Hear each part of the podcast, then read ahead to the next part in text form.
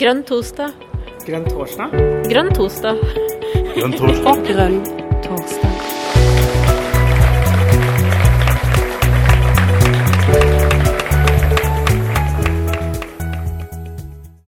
Ja, Ja, hei, hei. hva skjer? Hva skjer? hei. Hva skjer, Karina? Jonas er her, jo. Jo, Ja, ja, ja. ja, ja. Det, blir- ja, du har, det er litt varmt hos deg, Karina? Er det? Eh, ja, Du er på det det. Østlandet, du, er ikke det? Jeg er, jeg er på Østlandet, det er ganske varmt. Og jeg hadde jo bursdag her eh, for et par dager siden også. Og ja, du måtte i- si det, ja. Ja, ja, og var ute i sola, koste meg og hadde det kjempebra. Eh, og tenkte litt da på kveldens, eh, kveldens eh, tema på vei hjem, for da satt jeg på toget. Ja Eh, og det hvis, du hadde, hvis det hadde vært sånn tog, så ville du brukt tre sekunder hjem, eller? Nei, ikke helt. jeg litt men på fort, hvor, det- fort de går. det ville gått fortere i hvert fall. Det er helt sikkert. Eh, det er helt sikkert. Ja. Og så er det sånn da, eh, at eh, denne gangen, eh, Jon og Jonas, så har vi jo fått med oss, eh, oss eh, Bjarne Hellesø. Eh, Og, og, og han var jo til stede på forrige Grønn torsdag og lurte på om han kunne få lov til å holde eh, dette temaet på denne grønne torsdagen. Og det åpnet seg opp et vindu for at det kunne skje, så derfor så har han fått lov til det. Eh, Jon, vil Hva er temaet? ja, hva er temaet? Et tema har med tog å gjøre. Vil du si noe mer om det, Bjarne?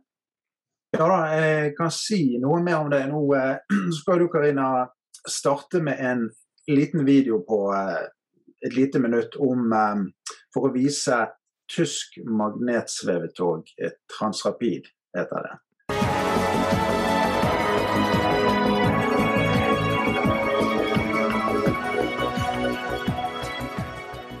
Ja, og Ser vi bort fra naturinngrepene, så er dette en perfekt utgave av den neste Rørosbane, Hanne, tror du ikke det?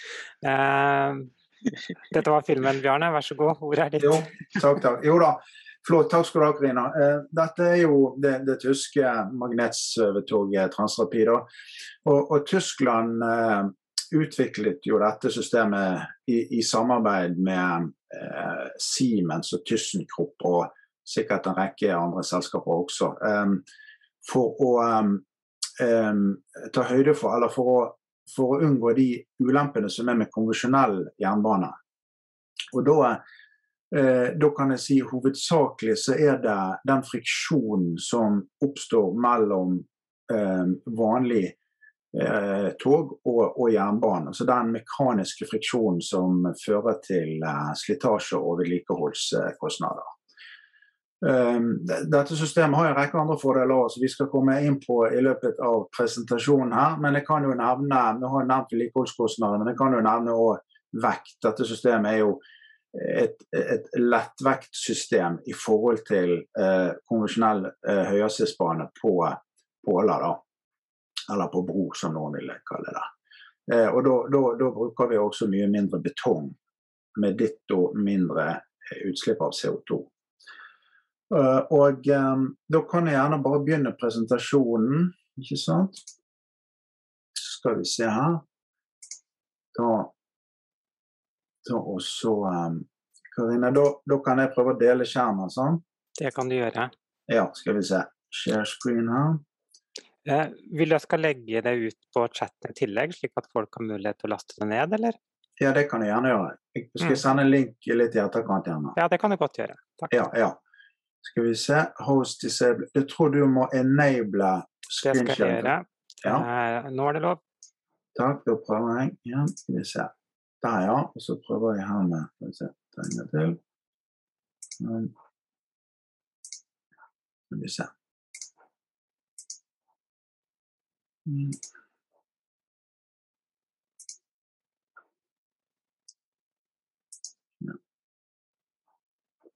Skal vi se.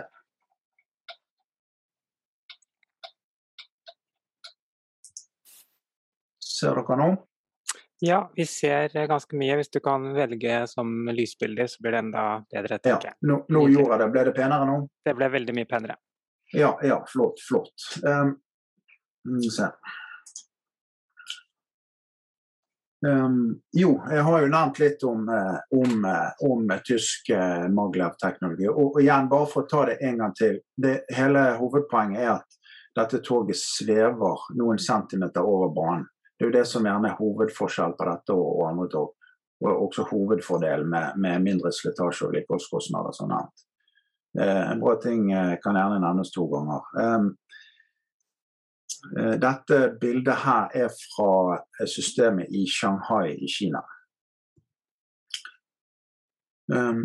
Tysk Magler har jo eh, potensialet til å erstatte innenriksflyet.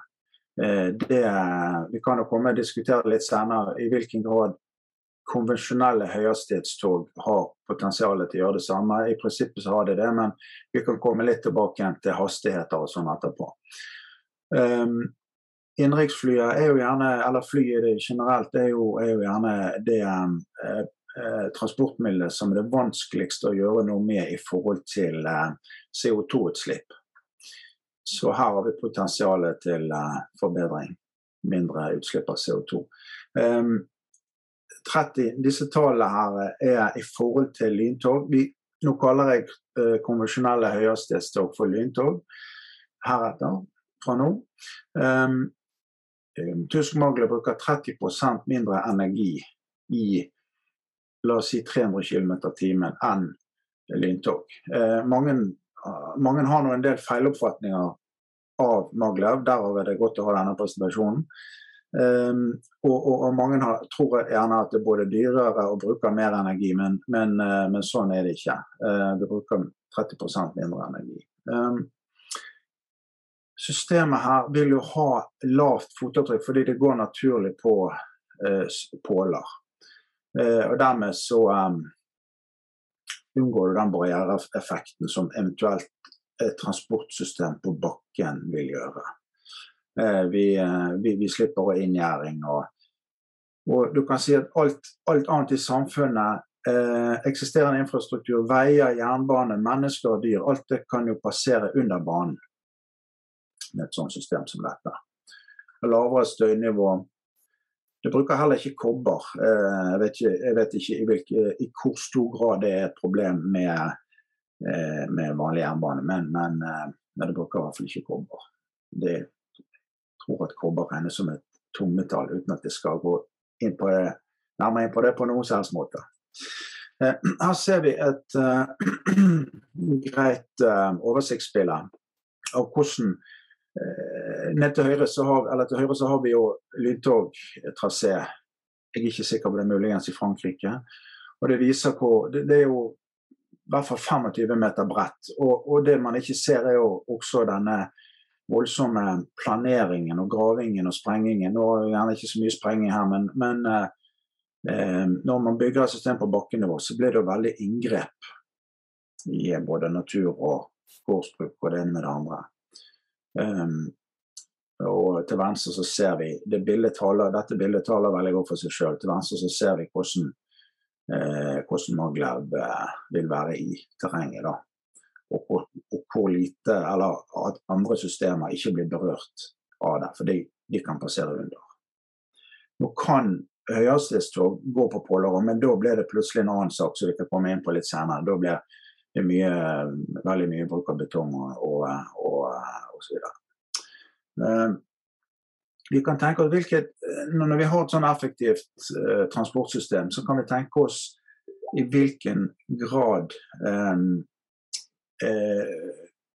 presset på boligpriser i sentrale strøk vil kunne endre seg. Hvis folk kan bo, hvis mor eller far, hvis familien bor i grisgrendte strøk, og så kan uh, mor eller far eller hvem det er som jobber i byen, pendle inn til byen, og man må få mindre press på eh, boligprisen i sentrale strøk. Det er noe, et tema som ikke er adressert så mye, spør du meg. Altså løsninger på det.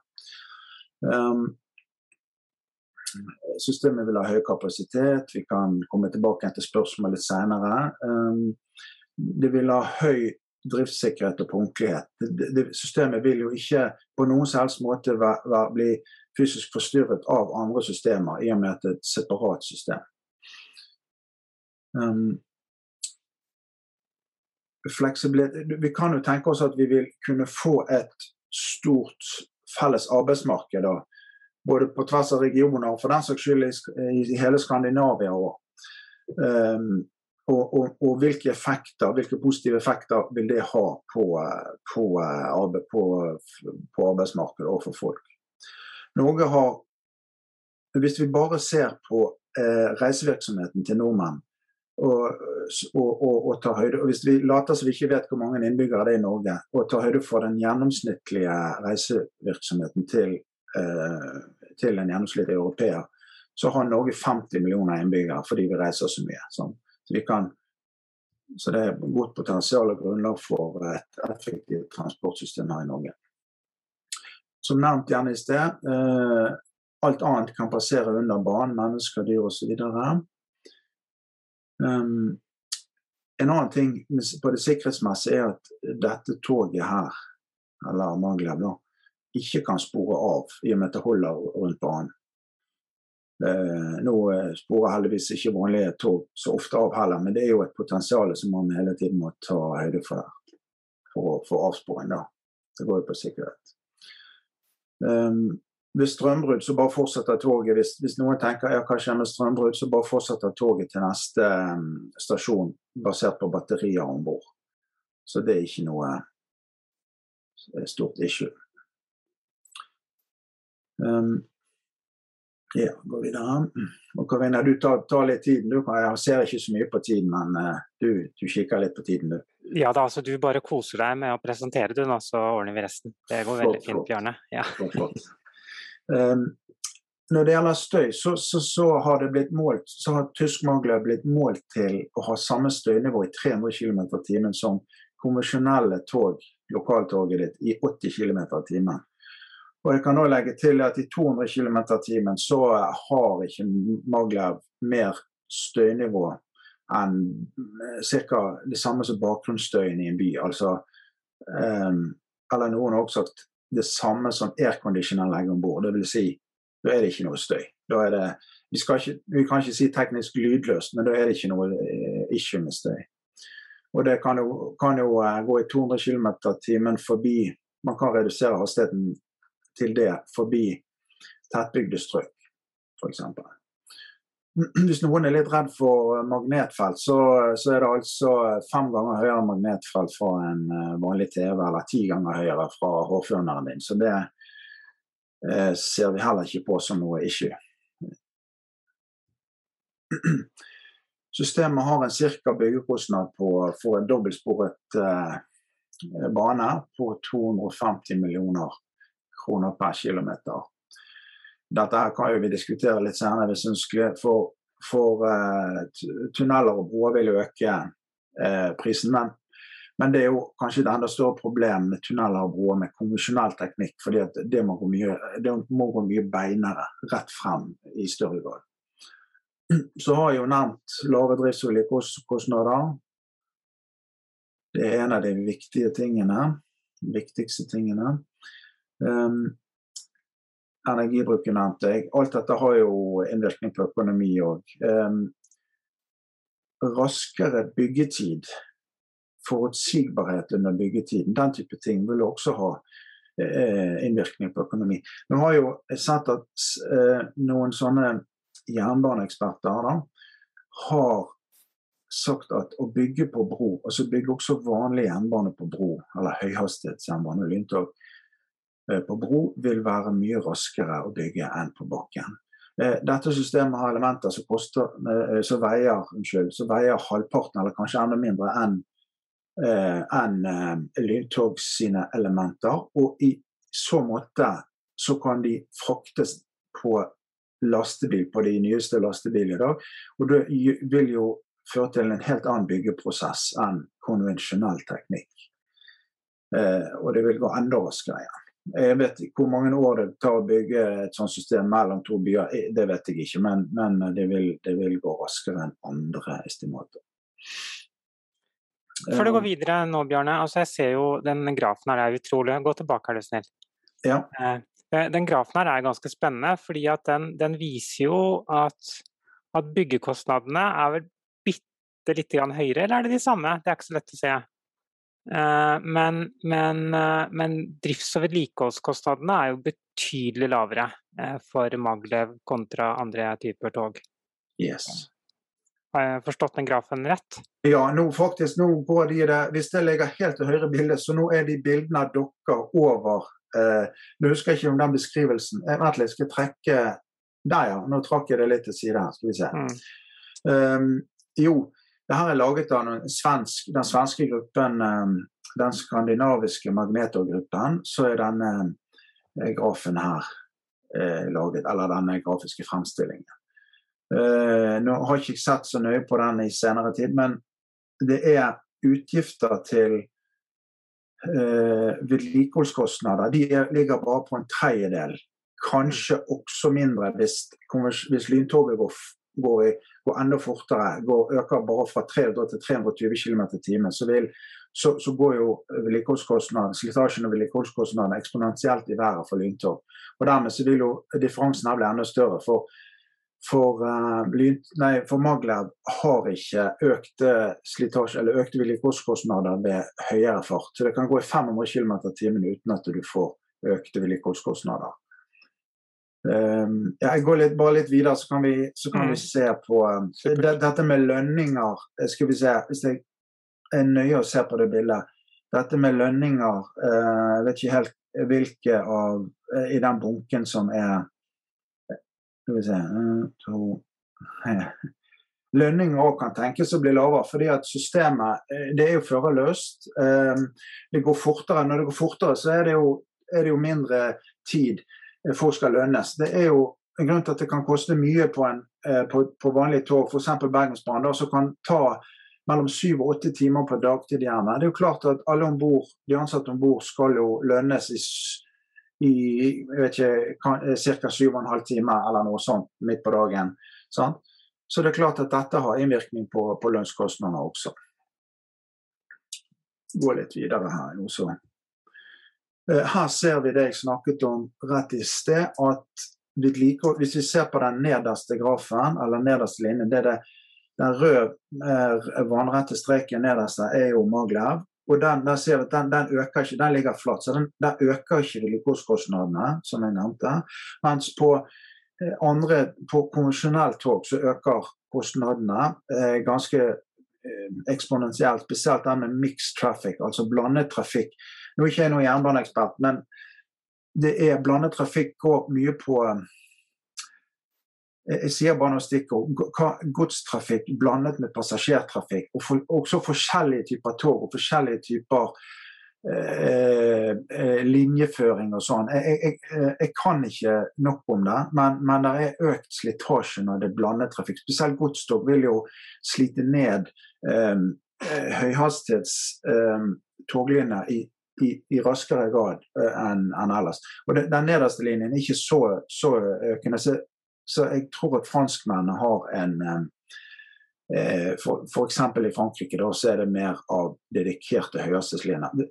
Kanskje Japan er et enda bedre eksempel, for der har de helt dedikert. Japanerne har jo bygget et helt fysisk separert system med høyhastighetstog. Uh, og det er en god grunn til at de ikke blander det. De har til og med bredere sporvidde på sitt, på sitt lyntog. Uh, og det forteller jo litt om uh, hva de ønsker å oppnå med både slit, minske slitasje, men også sikkerhet, med At de har en bredere sporvidde, selv om begge deler kan kalles for jernbane i, i Japan. da. Ok, jeg går litt videre. Ja, men, men det, det, gir jo litt mening det du sier da i forhold til mixed uh, traffic og high speed. fordi, fordi at uh, Hvis du ser på godstransport i Norge, da, uh, som jo det er altfor lite av på bane, hvis du spør meg, men, men, men vi ser jo at, at, at, godstog er jo ofte mye lengre. De har, ofte, er jo ofte tunge, og ofte så er det mer slitent materiell også. Så, så, eh, og slite materiell, så kan det jo være at det er noen hjul som ikke, noen bremser som ikke er helt som de skal osv. Så, så, så det, er, eh, det er mange gode grunner til at du får en høyere slitasje med, med, med, med lange, tunge godstog enn med kortere eh, hurtigtog da, for persontrafikk. Mm. Ja, og det, og det, er også, det er også um, de tingene du nevner, bra, gode poenger. Og så er det også linjeføring. altså kurveradius, stigningsgrad. Godstog kan jo ikke ta den type stigning. Så hvis du, en, hvis du lager, bygger et nytt system for blanda trafikk, så, så, måtte du ha enda, enda rettere linjeføring fordi, fordi, fordi godstogene ikke kan ta så mye stigning.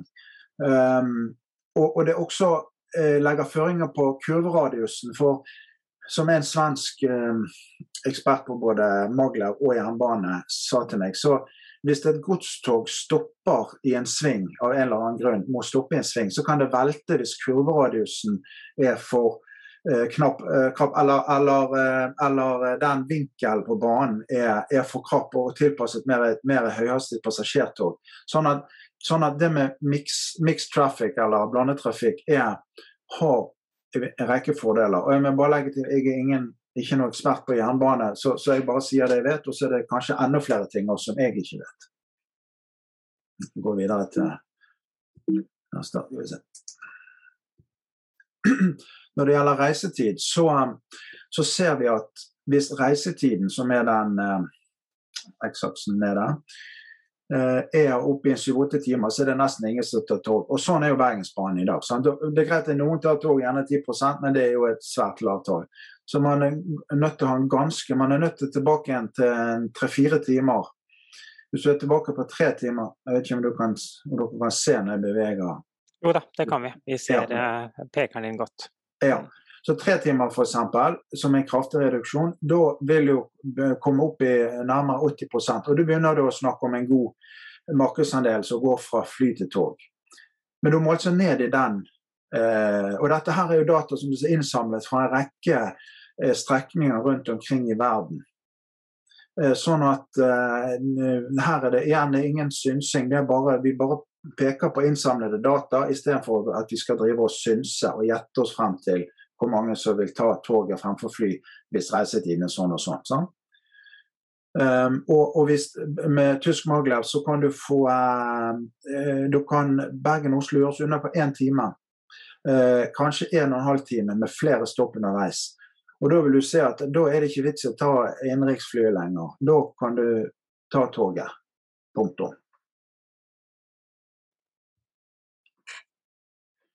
Vinter Eh, tyskerne har jo utviklet sitt system. Jeg tror det er sånn noenlunde nord-vest i Tyskland. Emsland. Jeg er ikke helt sikker på nøyaktig hvor det, hvor det ligger nå igjen. Men, men der har det, jo, har jo, også blitt testet under vinterdrift. Og, uh, og det er jo, må vi tenke på med Norge, med vinterdrift. Um, snø, tørr snø, hvis vi bare tar minusgrader, tørr snø, så, så, vil jo den lett blåse av banen.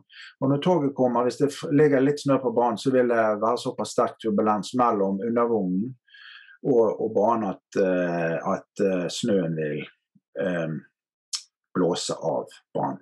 Hvis det er mye snø, våt snø, snø om natten som må ryddes, så, så, har man vedlikeholdsfartøyet der som, er, som, kan enten monteres en plog på eller kan børstes av. og Man kan også tenke seg en liten plog på selve toget.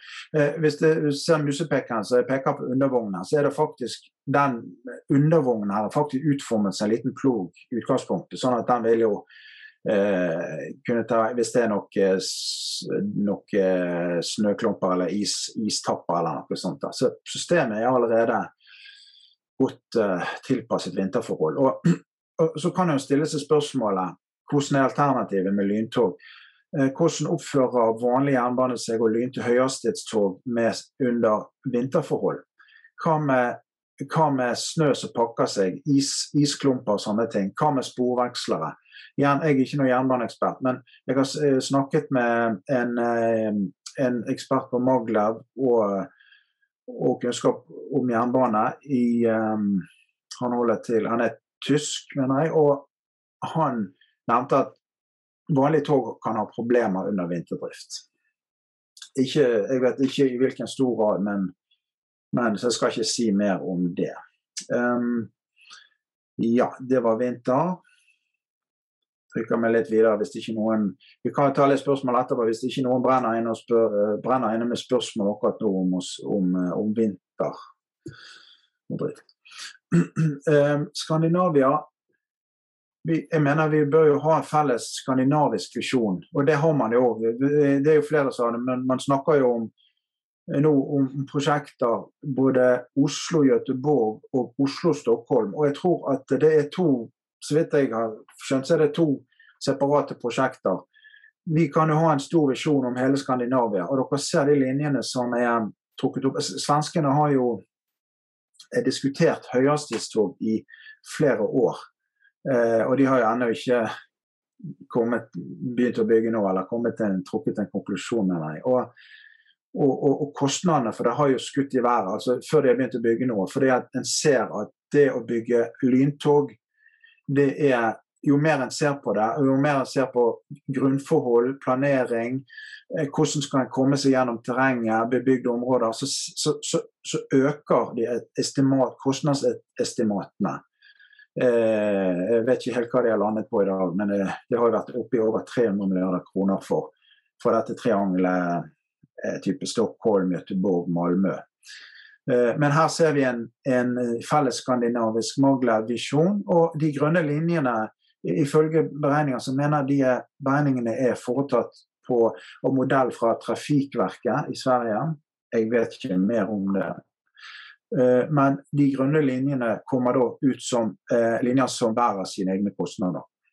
Det er da altså, for, er altså København, Malmö, Göteborg og Stockholm, Oslo og Bergen som da knyttes sammen i et Maglev-nett som er grønt i figuren her.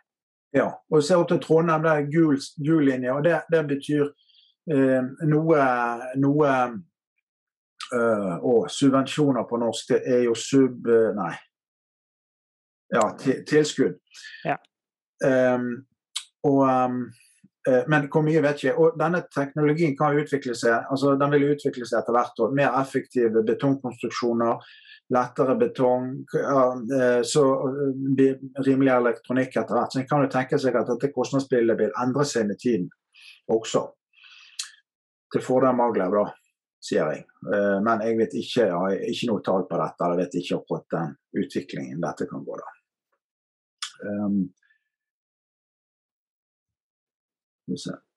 ja.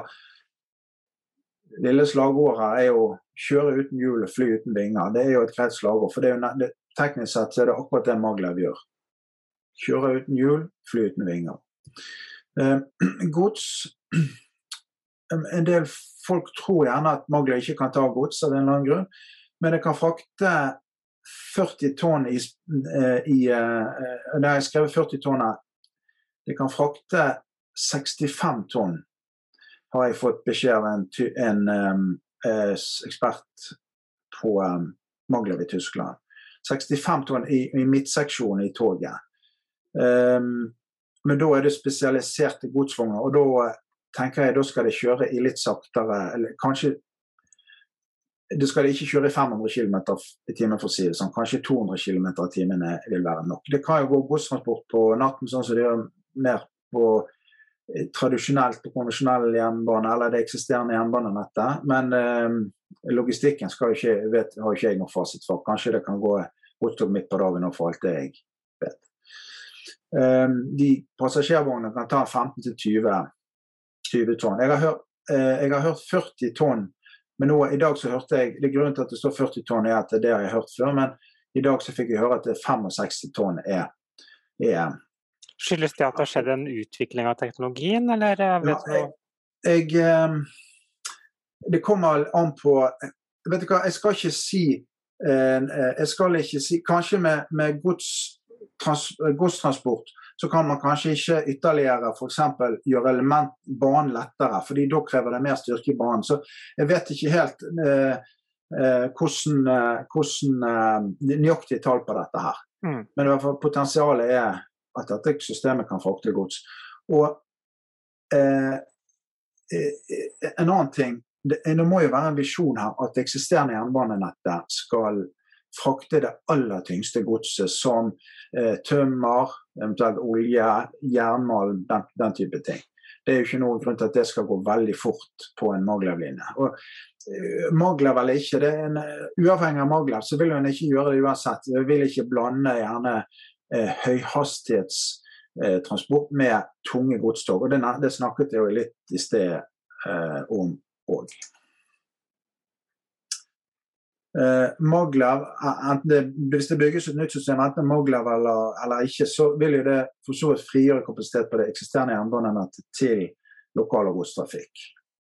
Og da kan jeg, plutselig så kan jeg kanskje da få oppfylt den visjonen om å frakte mer gods på jernbane.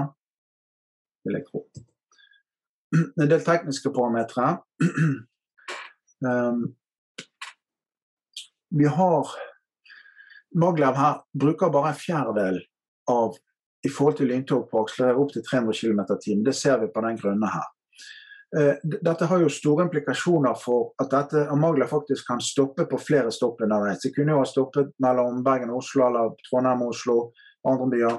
De kunne jo gjerne ha stoppet ti ganger og allikevel eh, ha en helt akseptabel tid. Fordi det er både topphastigheten er raskere og akselerasjonen er raskere. Um,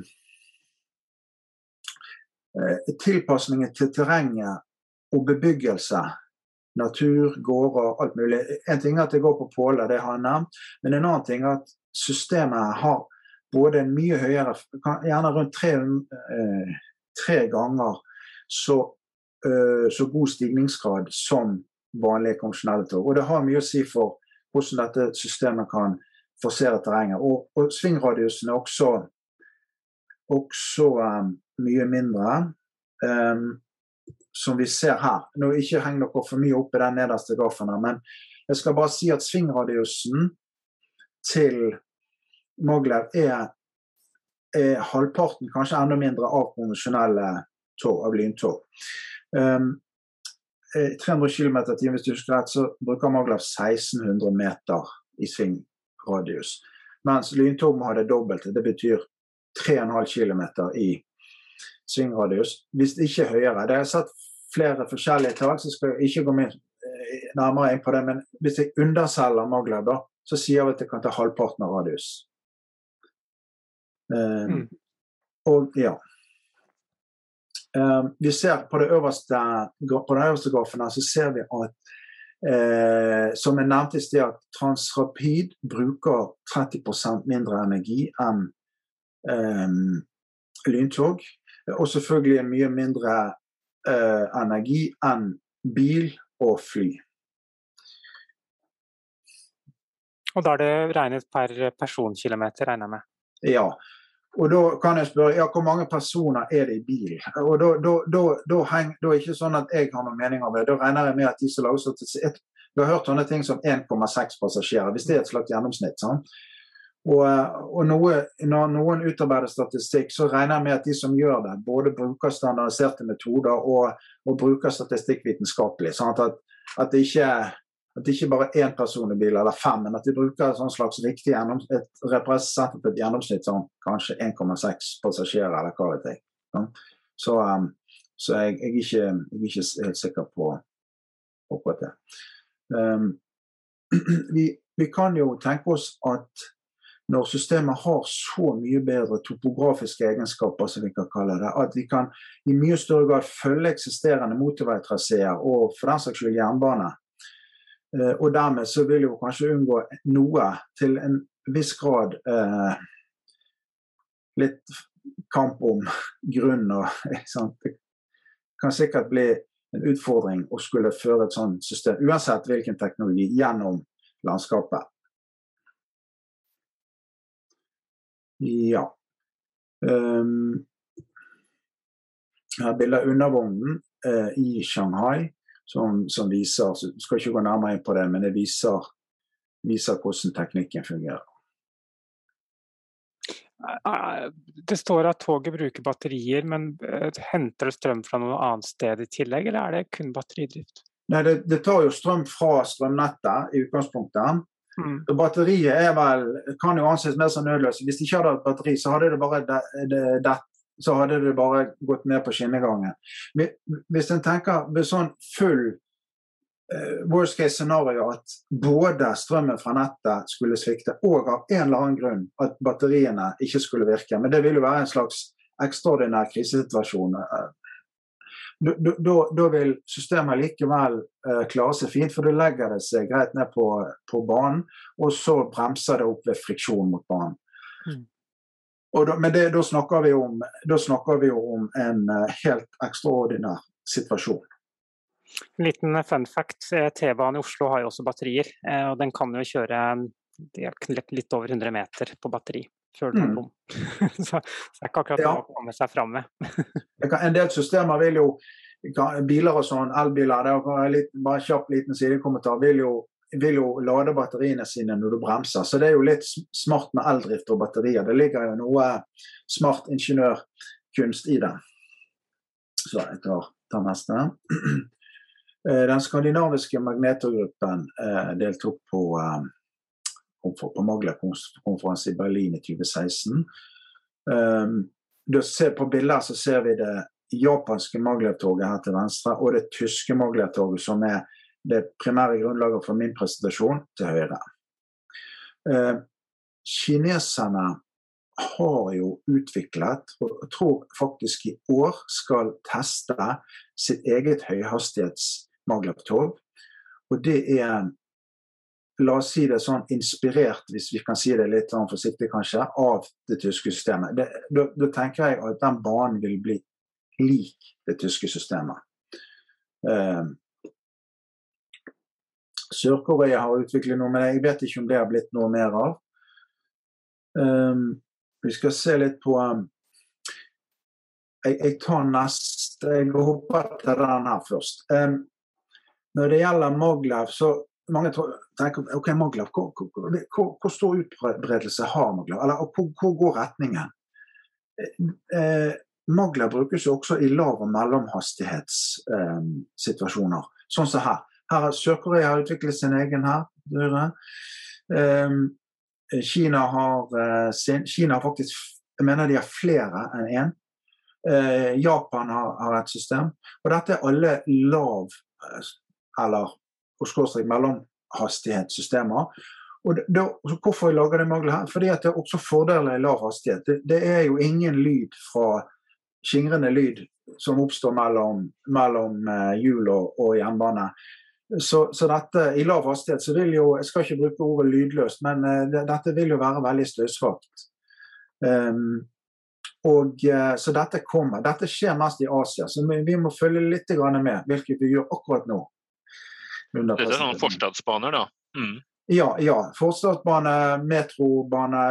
Jeg vet ikke om det er fellesord på det, men Subway, metro, forstadsbane Jeg vet ikke om, jeg har ikke noe sånn godt fellesrop på, på det.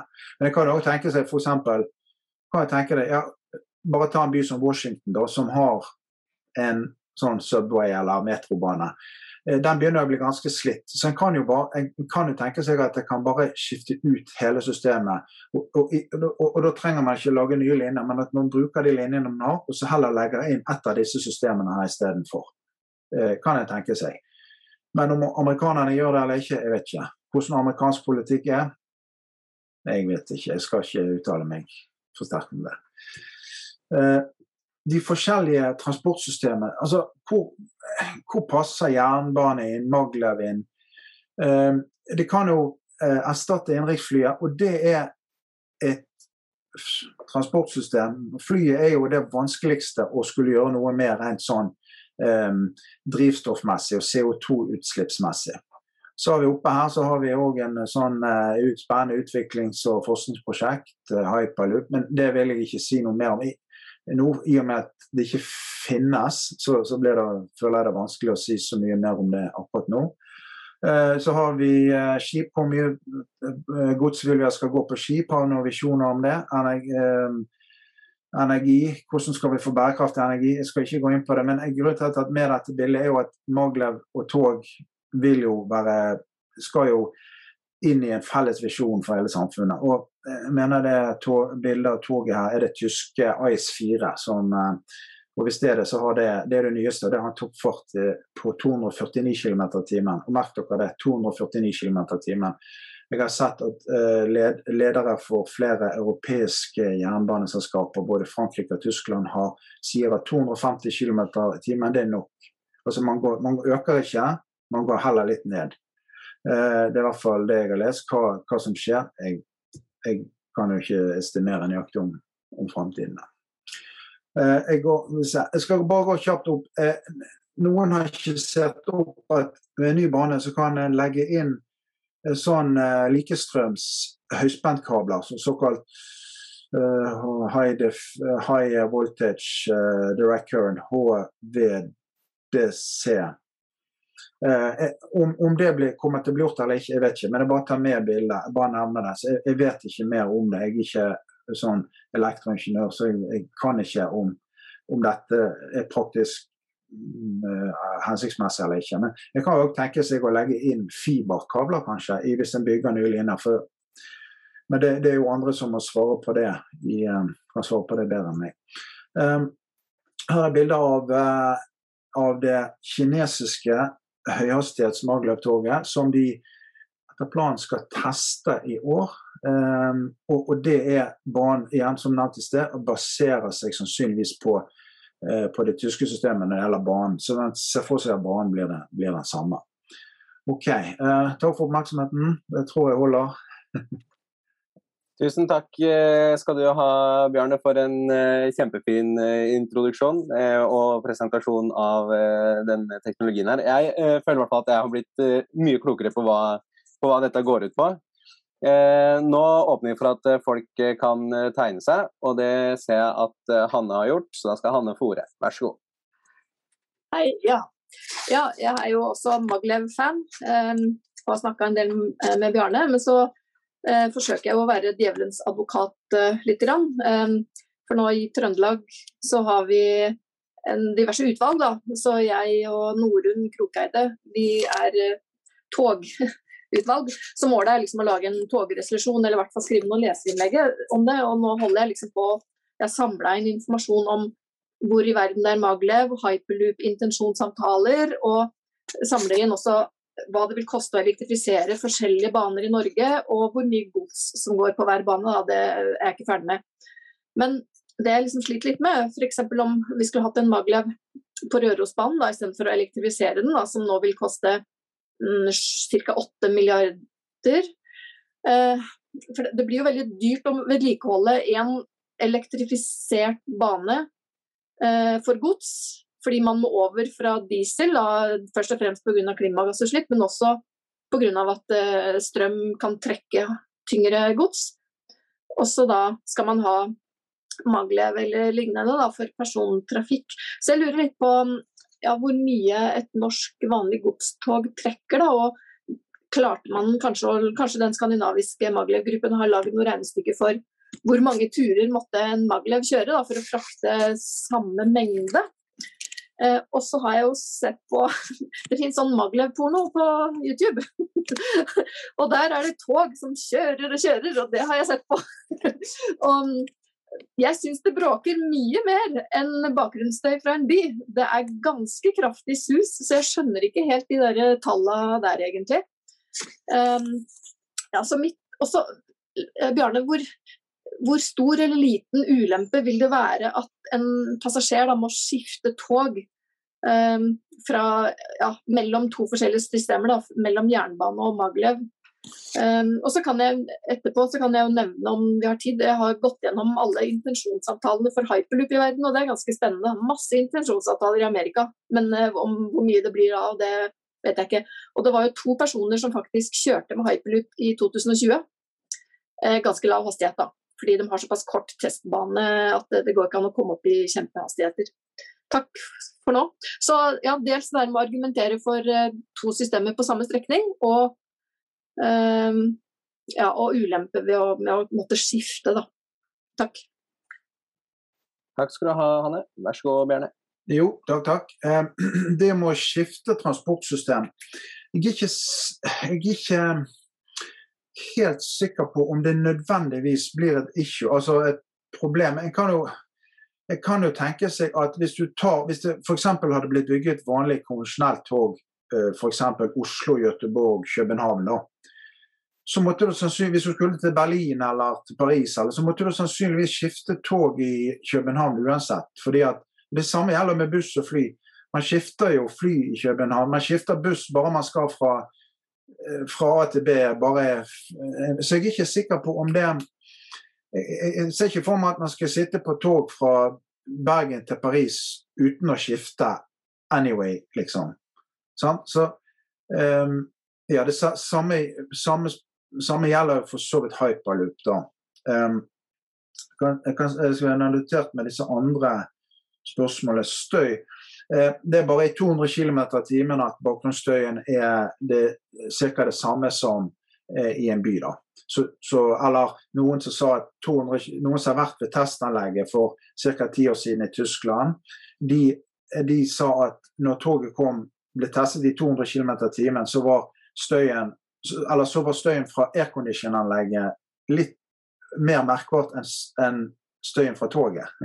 Men, men det gjelder men i, i 400-500 km i timen så er jo ikke det. Da er det I 500 km i timen så er det kanskje mer som en eh, lastebil som fyker forbi, eller eh, uh, Nå husker jeg ikke antall desibel, men jeg viste jo i presentasjonen litt desibel at i 300 km i timen så er støynivået for Maglev det samme som for et vanlig passasjertog i eller vanlig lokaltog i, i 80 km i timen. Eh, så det, er, så det er jo foretatt støymålinger på det. Så ja, det var i hvert fall det beste svaret jeg kunne gi på det.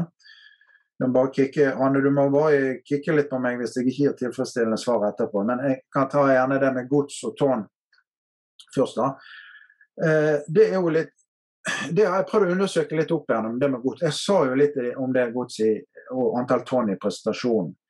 Um, uansett, altså uansett, system så tenker jeg at det er en rekke ulemper å blande tung godstrafikk med raske tog. Det tror jeg gjelder på vanlige jernbane òg. Altså det, og det har ikke noe med Maglev å gjøre nødvendigvis heller. Men, men, at man ønsker jo, det, det, ser man jo for så vidt i andre steder i transportinfrastrukturen òg. at Flyet stort sett beregnet på passasjerer, selv om det selvfølgelig er overlappinger. Det går gjerne litt laks i passasjerrommet der oppe av og til, kanskje. Litt fisk. Eh, og skip det er jo stort sett eh, gods, selv om du har cruiseskip. Så det er, litt, det er ganske stor skille, men litt overlapping. Og det samme tror jeg gjelder på, uh, på jernbane òg. Um, ja. Eh, selv om en skulle bare bygge konvensjonell jernbane. Um, og antall uh, Maglev kan ta over 1000 tonn med gods over en eh, på ett tog. Og, eh, gjerne da en sånn 20-seksjon tog. Men noen kaller det ikke 20 vogner, men 20 seksjoner, fordi det er mer integrert eller sammenkoblet. Eh, så, så over 1000 tonn, 1200 tonn har jeg sett. Um, da, kjører vi med lavere hastighet, men det samme gjelder for så vidt på konvensjonell jernbane òg. Vi kjører ikke fort med, tung, med tyngre gods. Um, ja. Var det flere spørsmål nå, Hanne? Det er i hvert fall en som vifter med hånden her, eh, og det er Håkon. Eh, kanskje Håkon har lyst til å unmute og stille spørsmålet han har? Her, ja. Nydelig. Beklager. Nei, det går bra. Ja. Um, jeg fikk inntrykk av at uh, denne Bergensbanen du ser for deg, Bjørne, og tilsvarende systemer, de kan... Kan du snakke litt høyere eller litt mer inn i mikken? At, at, ja, at de kan stoppe overalt. Altså at, litt som en trikk, da. Jeg, jeg, tror personlig at A, det er viktig at det går på søyler. for å, altså Særlig i et ikke-kinesisk samfunn. Kina eier, der eier jo staten all grunn. De kan jo legge det på bakken. Det kan ikke vi. Altså et, et konkurransefortrinn er jo nettopp å ha det på søyler for å ikke ta grunn. Og la skilpadder og pinnsvin og gamle damer osv. leve i fred der nede. Bønder osv. Ålreit. Men jeg tror at framtida ligger i en virkelig høyhastighets, og jeg kan ikke det med støyen. Men hvis man tenker seg at et sånt system går eksempelvis fra Oslo og ned til Madrid, og du har en fart på 800 til 1100 km i timen, da tenker jeg bare høyt, da. Jeg syns det er interessant også å slenge det ut til deg og dere så har man kutta ut eh, fly i Eurasia hvis man bygger et sånt system. Det er utallige arbeidsplasser i det. Det krever lite naturinngrep, og det gjør at fly utgår. Så hvis, eh, hvis vi tenker på motpolen til oss selv, vi er jo MDG-ere stort sett vel, eh, jeg er grunnleggeren av MDG forresten, i sin tid, så er jo motpolen det er Frp-ere som vil ned til Spania for å slikke sol. Og hvis man da kan få dem begeistra for noe sånt, hvor man da kommer seg ned til Spania, betaler det det koster, om man ikke tar fly, da har man gjort det. Og jeg tror det er mulig, altså uten stopp, hvor man har vogner, alt ned fra privatbilstørrelse til lengre tog, men med høy fastighet. Hvor man da kommer til et punkt, la oss si jeg bor i Fredrikstad, avstanden med et sånn eh, type Maglev som jeg tenker meg, det er eh, noen få minutter fra Oslo til Fredrikstad. Og da har du en, ned, en deakselerasjonsloop hvor du havner nede på bakken. Og så en tilsvarende akselerasjonsloop hvor du havner oppe i vanlig fast hastighet. At eh, alle på én skinne, alle enhetene, går i samme hastighet. Det vil være enormt eh, miljøvennlig, mener jeg. Og du kan også frakte enkelt gods i samme hastighet.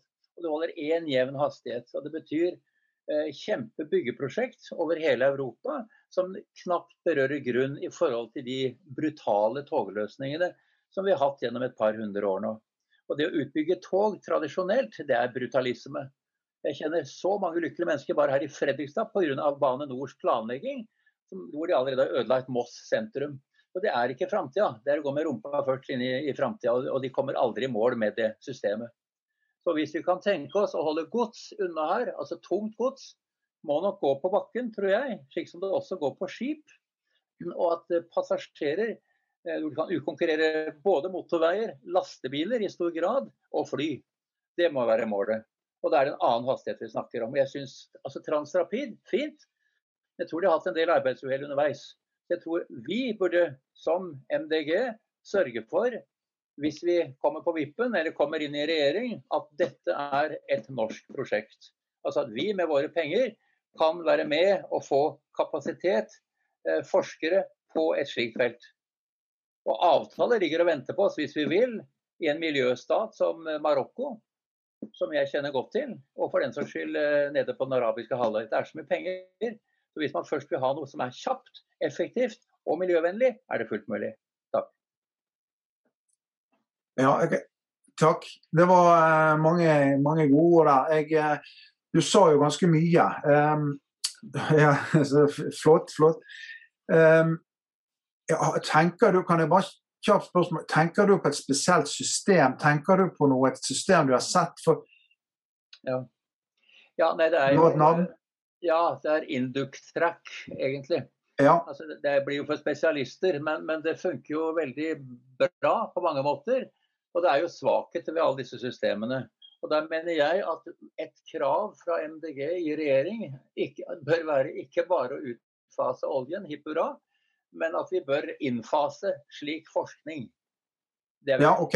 Ja. ja. jeg kan svare litt på det. Um, jeg, et sånn, gjerne et sånn metapoeng fra min side er at jeg sier ikke her at hei, Transrapid, that's it. Punktum. Det skal vi bygge. Jeg vil eh, presentere, så det, jeg presenterer det nå, ja det er en ting. Men en annen ting er at vi må diskutere dette på vitenskapelig grunnlag. Fordi at dette er komplekst. Det handler om masse greier. både og ikke bare passasjerer og gods, men det handler om hvor, i hvor stor grad man skal brøyte seg gjennom naturen og, og sprenge og grave hele sulamitten. Så, sånn at, og jeg skjønte når du sa at okay, du tenker på kanskje en annen teknologi, eller kanskje du tenker på flere ting samtidig. Eh, det å skille tungt pose helt enig, sannsynligvis er det det smarteste. For, for, og Det er jo det man gjør ellers i samfunnet, både med skip og fly. at og jeg er for å frakte mer tungt gods på skip og gjerne for bærekraftig energi og klima og hele opplegget. Jeg er for alle bra ting. Uh, og jeg ser uh, så, så, så, så, metapoeng jeg, kunne bakt inn litt flere metapoeng. Og et av de er at jeg ikke sier Nei, må, dette er det vi må gjøre. Det er min mening. Punktum. Jeg, jeg vil heller uh, at neste prosess skal være at vi diskuterer dette i en og jeg understreker i en noen vitenskapelig balansert sammenheng. Så dine innspill var jo veldig greie i så måte. Nei, unnskyld, bare en liten ting. Vi har masse ingeniører som skal ut av oljen.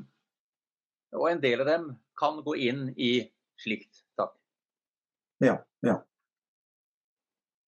Takk for det både til Håkon og til Bjarne. Hanne har tegna seg, vær så god. Ja, takk. Jeg tenkte kanskje jeg kunne nevne litt om det jeg har googla meg litt frem til. da. Eh, for den Skagerrakbanen eh, som er planlagt, det er jo lyntog, altså jernbaneskinner på stolper. Um, altså Oslo, Gøteborg, København eventuelt. da. Der er det òg sånne grupper som fins på Facebook uh, som jobber for det her. Um, Og den, den, som er i drift i dag, da, eh, det er Shanghai Transrapid. Og det, går, det er sånn flytog. Det koster bare 64 kroner én vei. Vært i drift siden 2002. Og så var det en planlagt eh, maglev fra Shanghai til Hangzhou. Den ble skrinlagt pga. at det ble bygd ut en sånn vanlig hurtig lyntoggreie i mellomtida. Og så er det planlagt en mellom Shanghai og Beijing. Eh, og så er det den Og da har jeg ikke funnet noen flere, fordi um, i Tyskland jeg vet ikke, Den er vel ikke i drift, det var mer en sånn testgreie. Um, men Hyperloop, da, der er det jo Virgin Hyperloop One. De har skifta navn underveis. Og der er det en testbane i Las Vegas i Nevada. Um, og det er jo Den skal bygges ut da mellom Dubai og Abu Dhabi. Der er det jo masse rike penger som, i Saudi-Arabia der som, ja, som, som, står bak det her. Um, og så er det noe som heter Supermaglev. Uh, jeg vet ikke om det er egentlig kanskje det samme som Hyperloop. Uh, og der er det i Huawei, altså Huawei lager en prototype der, da. Um, 1000 km i timen. Opptil tre ganger flyhastighet, har jeg notert meg. Uh, og så er det den mellom Helsinki og Tallinn da, under eh, Østersjøen der. Um, men det der er nå liksom Det er jo ikke bestemt at det skal bygges.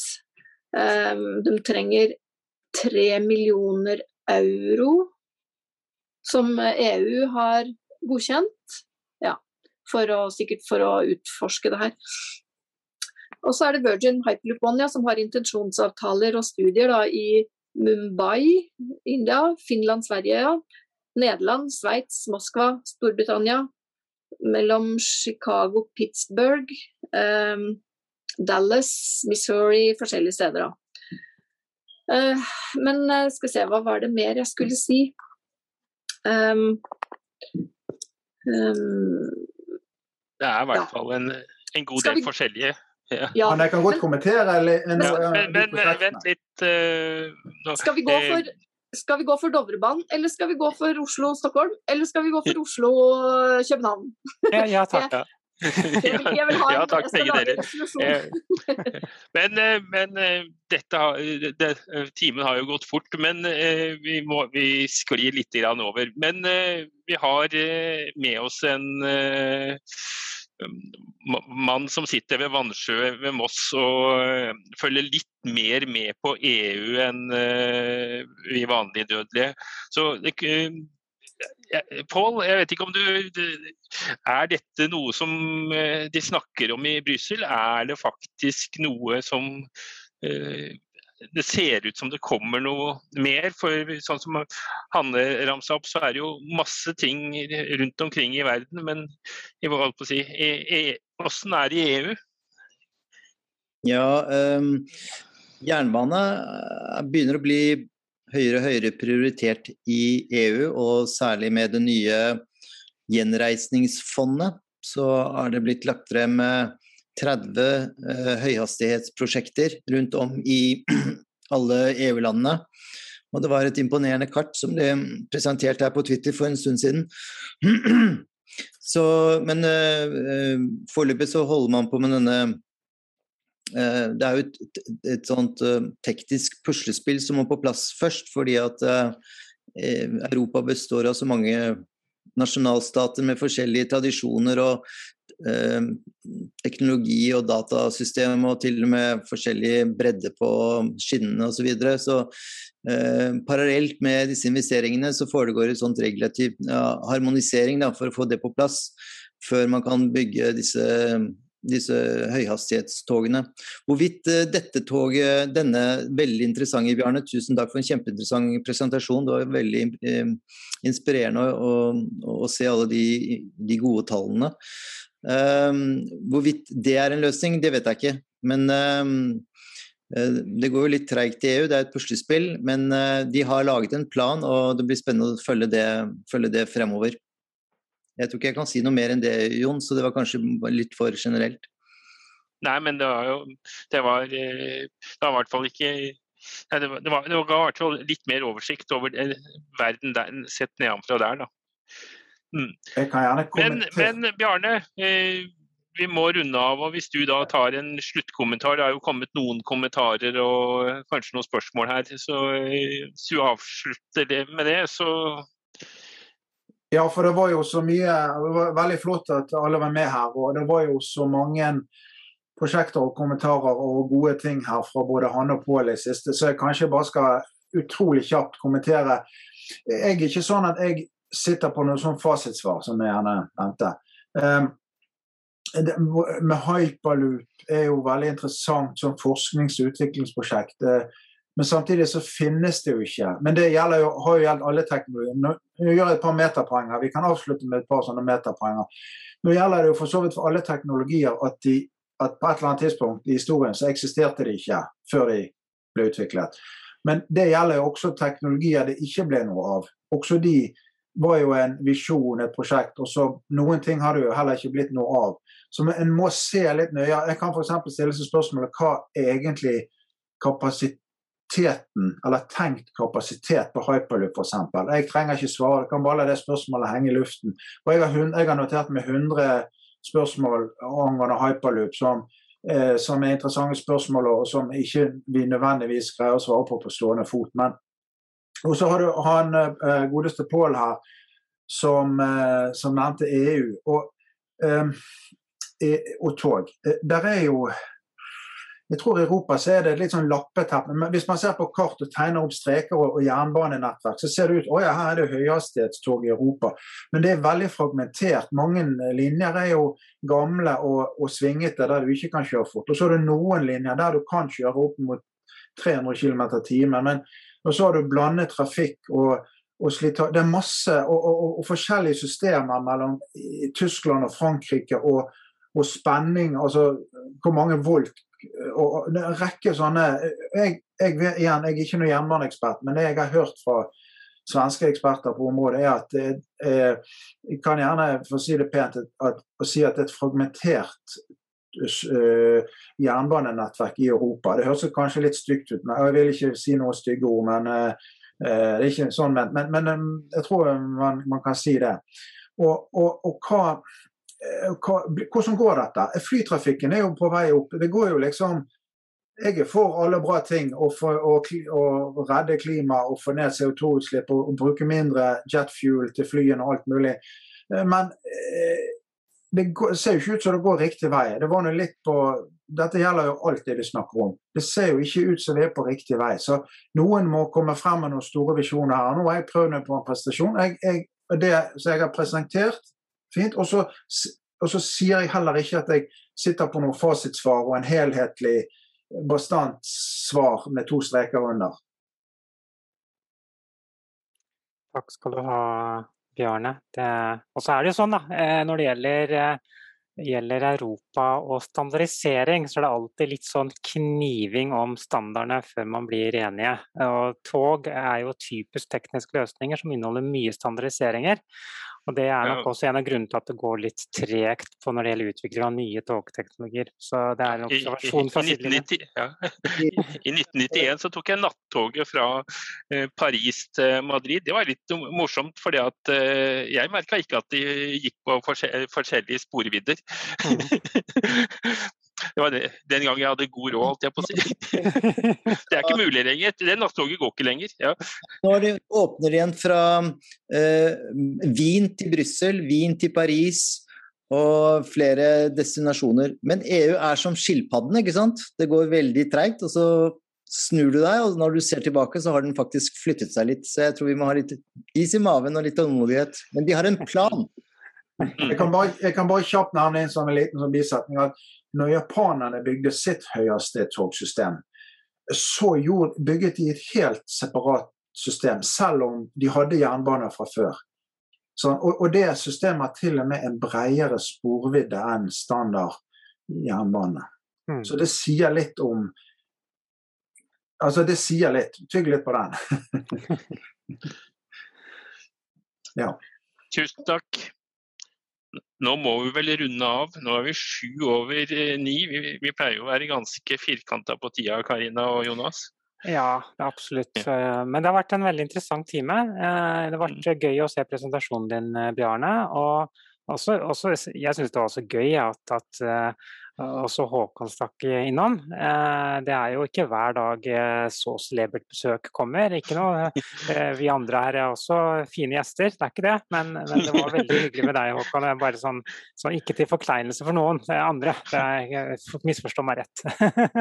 og, så vil jeg si spesielt takk til Hanne, som er spesielt opptatt av bakketransport. Absolutt. Det, altså innlegget og betraktningen fra Hanne hadde svært høy kvalitet og tydet på at dette var noe hun kunne noe om. Så det var også veldig veldig artig. Så takk for det, Hanne. Mm. Um, nei, men bra. Men um, vi har to grønne torsdager igjen uh, før vi tar sommerferie, Jon, har vi ikke det? Jo, og så er det spørsmålet om hvilken er det som blir høydepunktet av de to? Ja, Det er et stort spørsmål. Eh, vi, kan jo, vi, kan jo, si at den siste før sommerferien, det er ikke neste gang, men neste gang er igjen, det, så er det jo Rasmus som kommer innom. Eh, vet du noe mer om temaet nå, Jon? Nei, jeg har ikke snakka med ham, men vi har jo Nei, jeg skal ikke Jeg må, jeg må bli enig med det vi foreslår. Ja. ja. Men så, da, neste gang, eh, så er jo no, en som har grua seg Har hørt om dette over et halvt år og har grua seg som bare det. Helt riktig. Men jeg tror det går veldig bra. Det får tiden vise. Det er en person som akkurat har eh, passert 50. Ja, ja, må gni det inn.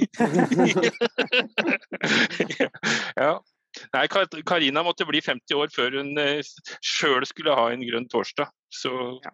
jeg, jeg, kan si en, Jon, jeg kan jo si en ting du for så kan klippe ut av videoen etterpå, som er et lite sidespor. Men det var jo litt Jeg så jo og gratulerte Karina med eh, sin sånn dag for et par dager siden. Og jeg jeg har eh, samme type dag eh, på lørdag.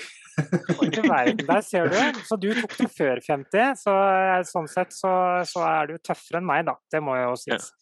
Um, tema neste gang uh, blir jo distriktspolitikk. Uh, og jeg vil prøve å sette opp noen kontraster mot uh, forskjeller på bypolitikk og bygdepolitikk i, i Miljøpartiet. fordi bygdepolitikken og distriktspolitikken er noe jeg brenner litt for. Så vi, jeg håper jo at, eh, at, det kan bli litt interessant. Eh, og så får vi se, da. Det, de som kommer med, de får jo vært med. Altså vært med på å sette preg på det også. Mm.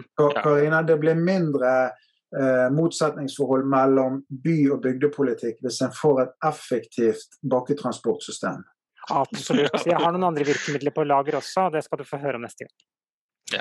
Og altså, Grunnen til at Karina da har, kommer neste gang, er jo fordi at hun er toppkandidat for MDG i Oppland valgkrets, selv om hun sjøl bor i Viken. I Akershus valgkrets. Så... Ja, men i en kommune som tidligere var en del Oppland, er bare for å forklare litt. ja. ja. Sånn er det. Nei, men uh, Veldig bra. Da, da, håper jeg alle har blitt en del klokere på Maglev. Og så at eh, neste gang kan dere bli klokere på by- og bygdepolitikk fra, med Karinas øyne. Mm. Ja, det er helt riktig. Ha en fortsatt god kveld. Jon, Jon, jeg slenger inn en kjapp liten kommentar til. Bare sånn rent teknisk, eh, fremdriftsmessig og løftemessig, så er Hyperloop også et Maglev-system. Fun fact. Det var siste fun fact. Da sier vi tusen takk for i kveld, folkens. Ha det.